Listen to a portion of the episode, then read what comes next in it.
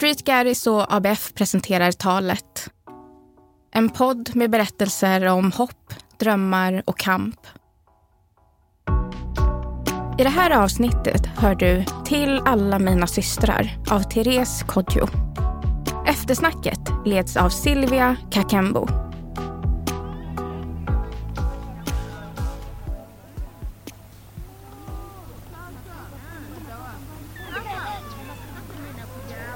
Jag föddes i ett matriark. Redan när jag föddes i Senegal var jag omringad av kvinnor. Min närmsta kusin föddes samma dag som mig, men på kvällen. Och jag och hon blev ett tillägg av många kvinnor i vår familj. Ni förstår, min familj består till störst del av kvinnor. Kvinnor med många olika berättelser och öden Kvinnor som tagit hand om barn, män och otaliga familjemedlemmar. Och för mig har det här arvet varit avgörande i min utveckling. Mina första år i livet har varit en blandning av mycket anknytning och även separation. Jag kom som en överraskning för mina föräldrar. Ett barn till föräldrar från helt olika världar. Min mamma en lång, ståtlig, ung, svart tjej på 19 år som till stor del levt på kloster i Senegal. Och min pappa, en 25-årig man från Togo som flyttat till ett främmande land för att studera. Han hade tyvärr behövt flytta hemifrån redan när han var 15 år och hasslade sig fram tills han landade i Senegal, där min mamma och jag är uppvuxna.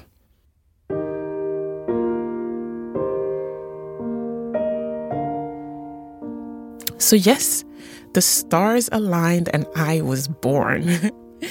Inte med de bästa förutsättningarna, men jag var mina föräldrars. Och det var ödet och det tackar jag Gud för, även om det bara höll faktiskt två år.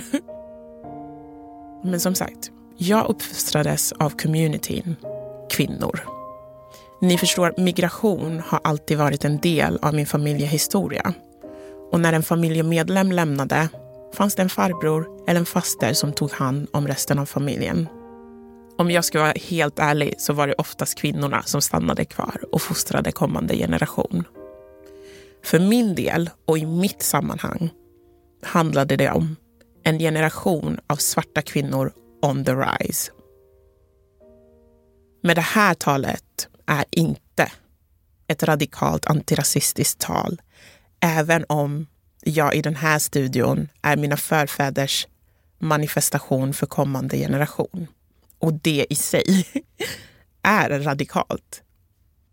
Det här talet är istället en hyllning till mina svarta systrar. Mina medkvinnor oavsett ålder och period i livet. Till mina systrar som likt månen och solen går igenom livets olika faser. Jag har under det senaste året tänkt på den självständiga I can do it all by myself-kvinnan. Den svarta kvinnan som är stark åt alla. Hon som bär upp familjen. Hon som har tagit avstånd från sin familj. Hon som är det udda fåret. Hon som har varit mor till syskon innan hon ens blev kvinna.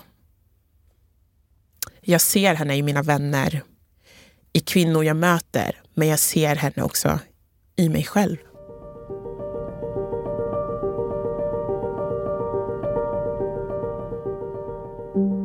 Genom åren i livet har jag haft förmånen att inspireras av många kvinnor. När jag tänker på min mamma ser jag hur hon trots motgångar aldrig gav upp på sina studier. Och uff, vad hon stod på sig, framförallt framför män som vägrade ge henne den respekten hon förtjänade. Jag kan höra hennes snabba steg, en blandning av sandaler som möter hälen och hennes långa ben som möter hennes tygskynke gjort av vaxtyg från någon by i närheten där både hon och jag föddes. Oturligt nog växte jag inte upp med henne. För i en värld där en 19-årig kvinna får barn på 90-talet utan att vara gift är en värld där patriarkatet lider. Och med de förutsättningarna var det bäst att bo hos min pappa. Som i sin tur lämnade för Europa för att ge sig själv rätt förutsättningar att finnas till för sina barn. Under hans tid i Europa fostrades jag av en drös av kvinnor. En av många är min kusins mamma. En kvinna som jag sällan såg gråta och som genom sin lilla matbutik på West Foire i Dakar tog hand om mig och fem andra barn. Hon var områdets feisty mamma som sa till dig på skarpen men som även gav dig sambusas när du såg hängig ut. Cause let's face it, it's all about balance. Hur kan inte jag hylla den svarta kvinnan? Hon är min början. Hon är min väg in i livet. Hon har tagit hand om mig och format mig till den kvinnan jag är. För mig är hon det närmsta jag kan komma Gud och därför tänker jag ofta på henne. Jag är henne. Men jag ser henne i så många olika former och blir påmind om henne. Jag ser henne i min bästa vän som gång på gång lyfter mig. Som delar mina förluster, framgångar precis som om det vore hennes egna. Många gånger tackar jag Gud och mina förfäder för att de har gett mig en så fin vän. En vän som känns som en tvilling, då få personer förstår mig så som hon gör. Det finns en kärlek som man får av sin direkta familj. Den som man bara förväntar sig för att man är blod. Sen finns det kärlek där man har valt någon utanför. Där någon som inte måste älskar dig för den du är. Någon som ser ditt inre ljus när du inte ser det. Någon som inte känner att ditt ljus bländar deras eget. För att när du skiner så skiner båda. Människor som henne är så svåra att hitta. Och lyckligtvis har jag haft turen nog att hitta henne.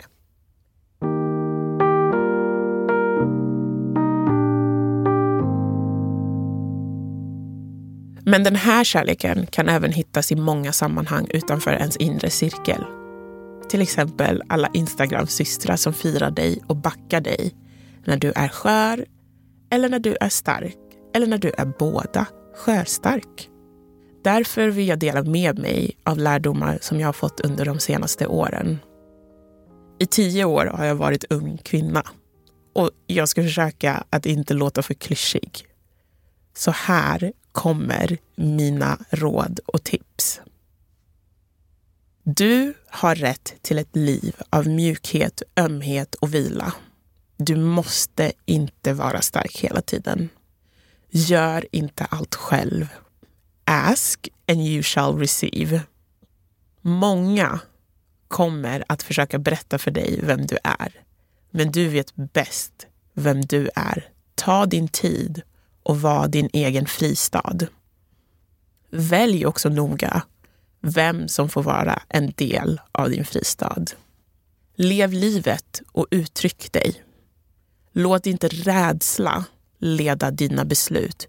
You are highly covered. Det är bra att vara självständig, men isolera inte dig. Om du är hyper självständig, förstå att det kan vara ett sätt för dig att skydda dig själv då du gick miste om kärlek och trygghet. But you cannot heal trauma with your survival technique.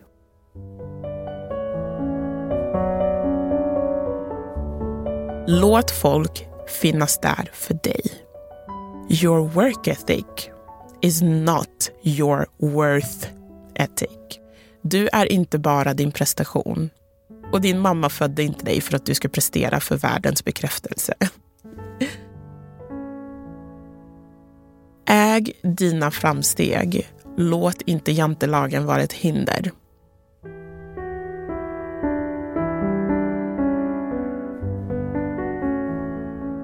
Försök inte passa in i en box som inte var gjord för dig.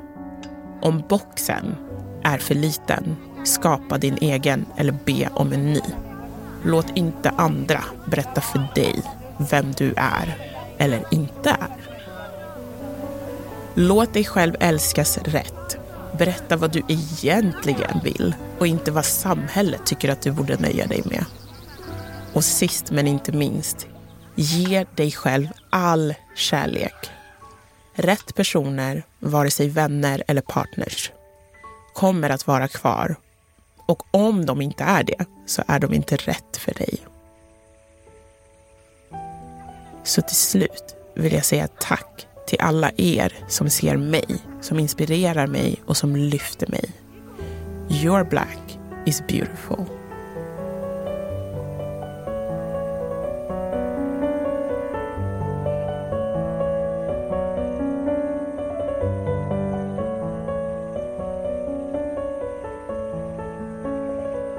Du har hört ett tal av Therese Kodjo. Nu kommer ett eftersnack med Silvia Kakembo.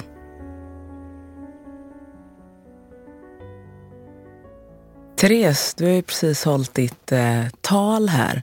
Kan inte du eh, berätta varför det här temat kändes eh, som något som kändes viktigt för dig att prata om? Alltså, när jag skrev talet så tänkte jag på mig själv som svart kvinna. Och på något sätt så tänkte jag också på mina medsystrar och människor jag runt omkring mig som också identifierar sig som svarta kvinnor. Och i det så kom jag på att när vi pratar om svarta kvinnor så pratar vi oftast om hur stark hon är, hur mycket hon står ut med och mycket av det liksom återspeglar lidande på något sätt. Som att det är liksom en så här äh, passover, alltså så här ett, ett, det någonting som man behöver göra för att vara en riktigt bra svart kvinna. Och det är inte riktigt hur jag ser mig själv. Jag ser mig själv deserving of soft life. soft life and soft love. and softness. Vilket inte nödvändigtvis har varit fallet i mitt liv. Eh, men det behöver inte betyda att man inte jobbar på det hela tiden. Och då kanske det är bara bra att bara få vara sig själv utan allt det andra, det tuffa. Liksom.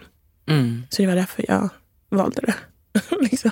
Jag tänker också en annan sak som intresserade mig när jag lyssnade eh, på talet handlade om hur du beskrev din uppväxt Mhm. och eh, kvinnor som då har tagit ansvar för dig trots att de inte har haft, liksom, de har inte varit dina föräldrar Mm, eller, mm, eller just sådär. Ehm, och så funderade jag på så här, wow, vad var liksom det bästa med det sättet att växa upp och vad var liksom baksidorna med det sättet att växa upp? Så sa du till mig så här, oh, jag har haft en så dramatisk barndom, ska vi verkligen prata om det här? Och då blev jag liksom ännu mer nyfiken kring att vi måste Ja, prata om det här. det. Men vad var liksom det bästa med den typen av, av sätt att växa upp? Alltså det bästa med det, jag tänker utifrån ett kulturellt perspektiv så tänker jag att alla som är gamla nog att vara i samma ålder som min mamma är typ mamma. right. Ehm, så när jag kom till Sverige så vet jag att min bonusmamma frågade mig, vill du kalla mig mamma eller vill du kalla mig liksom, mitt namn? Och då var jag så här, what kind of question is that? Du är gammal nog att vara min mamma, så mom. det var ju det. Så det bästa är ju att du har ganska många kvinnliga förebilder och många, många du kan vända dig till. Det jag skulle säga är det lite jobbigare det är att de också har varit strong black women som kanske har behövt avlastas ibland. Och då har man ju fått se den sidan och, och hur tufft det kan se ut. Men man får ju också mycket kärlek och man, man träffar många olika personligheter och många har olika stilar att fostra barn och, och tycker att olika saker är viktiga. Man, man tar med sig ganska mycket. Jag kan säga att jag tar med mig, alltså, på ett skämtsamt sätt, jag tar med mig ett bra sätt att laga mat för jag har ju alla möjliga, liksom, alla har sitt sätt att göra fufu. Eller vad det Grymt. nu är. Men ja, men, men när jag tittar tillbaka till dem, även om alla inte var så här wow, I love you with my whole heart, eh, så ser jag också hur det kan bli så, för man är ganska trött. Jag tänker på min farmor som till exempel får ganska mycket, alla barnbarn kommer ju dit till slut ändå. När man behöver en paus från livet eller när livet skiter sig så åker man hem till farmor. Och det, är liksom, det är en trygghet för oss barnbarn men det kan också vara en börda. För då finns hon ju bara till för oss andra. Och då undrar jag lite om, om, om man försvinner lite i sig själv som kvinna. Jag vet inte. Det, det är inga frågor som hon skulle un, underhålla riktigt. Hon är så här, äh, Just nobody has time for this. Ah. Um, men på en, observerar man så tänker man, ja, när, när är hon i fokus? Ja, jag tänkte säga aldrig. Eller jag som liksom, Ja. har ju också föräldrar från Ja. Uganda men är född och uppvuxen mestadels i Sverige. precis. Och typ man har varit där satt på släktingar. Ja. Och så ser man att så här, det bor andra, du vet kusiner, Ja, systrar. ja, Man vet inte ens vilka de är. Och man är Nej. så här, och i ens perspektiv man bara, jaha hur länge ska den här personen stanna här? Och de bara, nej han kom för två månader sedan. Alltså, du vet, och ingen vet liksom. Ja. Och det är bara något som är så här, nej men den personen behöver liksom vara här. Ja, och då den så, behöver andrum, eh, liksom. Så gör vi på det här sättet liksom.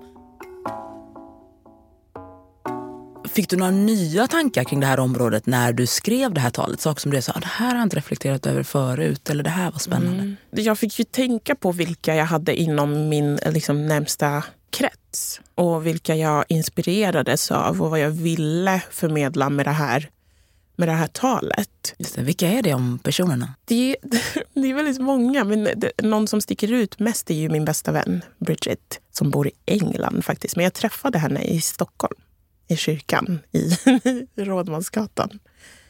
Från Ghana, jag är från Togo så det är ganska liknande kulturer.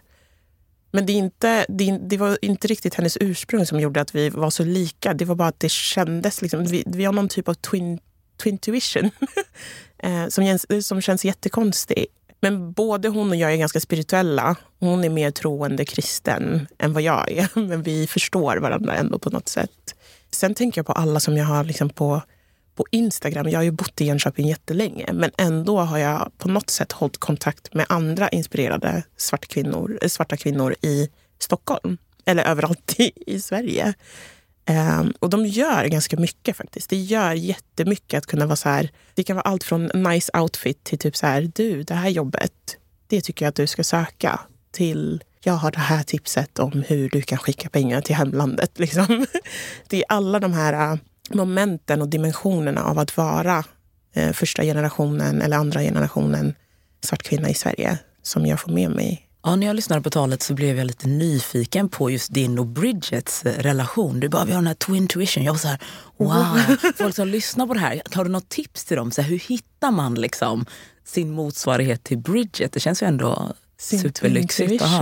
Jag tror att, att eh, the breaking point till vår vänskap och hur den blev stark var nog någon gång, kanske första året på universitetet där jag öppnade upp mig om hur dåligt jag mådde.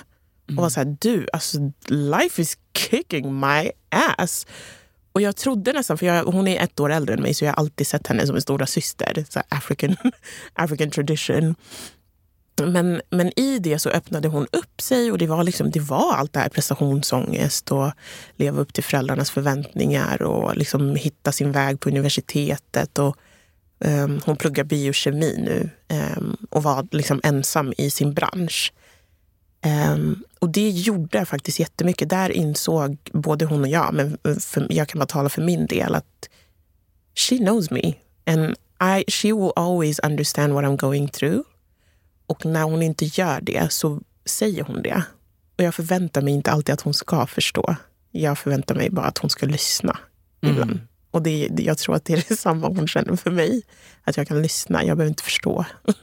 och vi har ju också en, en, en regel där, som har funkat ganska bra för oss. När vi ringer, och jag brukar säga så här, when I'm inconvenienced in life, så frågar vi varandra, do you have space for my rant? Eller my emotional outburst som kommer nu? Och har vi inte det, för att ibland går man igenom saker och man glömmer att ens vänner också behöver space, då säger vi det. Och det, har ju, det är ju boundaries. Mm. Em, Så att man inte bara använder dem som en hobbyterapeut när de inte har kapaciteten. Liksom. Just det. Ja, jag ser fram emot att träffa Bridget en dag. Då. she's wonderful. En annan sak som jag funderade på när jag eh, lyssnade på ditt tal handlade ju om eh, vad har du liksom placerat den svarta mannen i, i hela det? Jag började vara så här, lite som du var inne på, när jag Ja. fick veta att det skulle vara ett tal som handlade om just det här, den svarta kvinnans lidande, allt som våra mödrar behövt bära. ja. Då var jag så här, ah fuck. Bro. Du vet, vad är, de, vad är de här snubbarna som borde ta ansvar? Typ? Eller finns de där bara de också osynliggörs för att liksom världen vill typ inte att du vet, det ska gå så bra för svarta snubbar alltid? Vad är, vad är dina tankar kring, kring det? Jag tror att världen är ganska svår att navigera som svart man. Jag vet också att inom den svarta communityn så finns det utmaningar som vi redan behöver prata om sinsemellan. Nu blir det här en offentlig podd då. Um, så det, det jag skulle säga är att det definitivt är och kan vara svårt för den svarta mannen att navigera i världen. Och många gånger så upplever jag att svarta kvinnan backar upp och stöttar den svarta mannen eller liksom den svarta communityn och, och hur det ska ta sig framåt. Men jag vet också att det finns en, en drös av svarta män som verkligen är närvarande, som kämpar med de här sakerna också. Och precis som man pratar om andra män så har de ju svårt med machokulturen att komma ur sitt skal och, och, och, berätta om hur dåligt de mår. Jag tror att det, det steget kan vara lite, lite längre att ta för dem. För kvinnor, oavsett etnicitet, har mycket lättare att nå ut till varandra än vad män har. Det är den uppfattningen jag har. Sen självklart så finns det ett ansvar om man, om man tänker på den svarta communityn och hur man ska liksom ta hand om varandra utifrån sin utsatthet eller sin gemenskap i, i, i både hudfärg och etnicitet och kulturellt och så. Det finns ju ett ansvar som båda behöver ta och det är väl att dels öppna upp sig men också um, öppna upp för, för känslor som inte är så superbekväma. För det är bara där vi kan ha en breakthrough. Jag blir lite nyfiken på, du sa så här, ja det här är frågor som vi behöver prata om liksom sinsemellan. Vilka frågor skulle det kunna vara? Alltså det, det, är ju precis som andra frågor. Eh, jag tänker um, bara patriarkatet generellt. um, rollen mellan man och kvinna, vad som förväntas av kvinnor. Kvinnosynen och manssynen i våra kulturer och de olika grupperna. Då. Afrika består ju av ganska många länder och alla är ju inte har inte samma sätt att uh, leva sitt liv. Men jag tror ändå att man behöver prata om, om just det här ansvaret som läggs. Är det vettigt att förvänta sig vissa saker av det ena könet eller det andra? Liksom? eller lever vi i en ny tid där vi faktiskt kan, kan förändra det och mötas någonstans? Det finns ett skämt i mitt kompisgäng där vi tänker så här, alltså våra föräldrar måste sitta och tänka what the F. Varför träffar ni inte varandra? Vad är grejen? Hur svårt kan det vara? Jag hittar din pappa, han hittar mig. Enkelt. Men nu lever vi i en helt annan tid. Och det är svårare att hitta alltså sina peoples, både utifrån ett romantiskt perspektiv men också på vänskapssätt när man är en minoritet. Mm. Och när man nästan måste sparka uppåt. Alltså man, man behöver krossa glastaket. Och glastaket för en svart kvinna kan, kan ju vara både vithetsnormen och rasism och så vidare och sexismen. Men där finns det ju också det. Det finns ju också det i ens egen community att man måste sparka bort sexismen, och, och, och, patriarkala strukturer. Finns det något sånt sammanhang undrar jag? Eller ska, ska du starta ett sånt sammanhang ja, där alla den typen av diskussioner kan, kan liksom fortgå? Alltså vet du, jag skulle inte ha något emot att starta ett sånt samtal i det här formatet. Att ha liksom, kanske en medpoddare eller liksom sitta och prata om, om frågor som berör den svarta communityn. För jag tror att det behövs. Bara öppna upp för samtalet. För ibland tänker folk att så här, ah, men vi bara pratar och pratar och det händer ingenting. Men det händer faktiskt ganska mycket i folks hjärnor och hjärtan och man får nya perspektiv och så. Så jag skulle faktiskt inte ha något emot att ha ett sånt här format. Så so holla at me if you want to start a podcast. Grymt. Du som lyssnar, Therese nummer är 073... Nej, jag, jag bara, uh -oh. Ja, men toppen. Men är det någonting nu när liksom, eh, både du och jag då, liksom, som har rötter i en annan kultur men så, och förstår en annan kultur men också liksom lever i mm. den här liksom, mm. svenska eller västerländska kulturen nu. Är det något som du är så här, ja men det här skulle jag liksom vilja återskapa? Alltså det saknas liksom en dimension i hur vi ja. lever våra liv. Jag saknar berättarkulturen jättemycket. Mm. Det där man, där man satt utanför huset och liksom så här, kollade på alla som gick förbi. Mm. Hälsade på så här, ah, men du Josef, är det du? Ah, Okej, okay. har du precis kommit tillbaka från det här? Eller mm. vad det nu är. Mm, mm. Men också där, man liksom så här, där, där en äldre person berättar om sitt liv och mm. sina um, erfarenheter och hur de hanterade en situation. Och de kan vara så här, ah, men när den här tönten föddes då hade han ett skitstort huvud. Men kolla nu, han har ju blivit det här. Och, du vet, solen var så stark den dagen. Och, och vi hade inte det här eller det här, men vi lyckades ändå. Och du vet, så här, där man liksom för över traditioner. Och så här, ah, men, vi bad och, och, och någonting hände. Och du vet, mirakelsnacket. Och, och sen så kryddar de ju lite. De, de ljuger ju lite. De är alltid så first, first in their top, top of the class. Best singer ever in the choir. Jag bara, ja, ja. Men det, är- det är också en charm i det. Ja. Så det saknar jag. Och ibland tänker jag att det är så många när man bor i Sverige. Jag tänker på våra, på våra äldre. Vi inte riktigt får till oss deras berättelser på samma sätt. Ja, det saknar jag jättemycket. Så jag, jag tror nog att om det blir så att jag liksom får barn och barnbarn och så vidare så vill jag jättegärna föra över det. Och jag behöver inte vara the soul, alltså the soul source. Det kan ju vara mina vänner och skicka barnen till liksom anti bla bla bla. Det ger jättemycket. Och det ger också en trygghet när man kanske inte har superbra relation med sina närmsta. Att det alltid finns en auntie eller en uncle eller en farmor eller en mormor någonstans. Som gör sambosas. Mm. Allt handlar om mat. Ja, locka dem med mat. That's it. Dem. Ja, men grymt. Tack så jättemycket för det här eh, fina samtalet. Jätteroligt. Tack så mycket. Tack själv.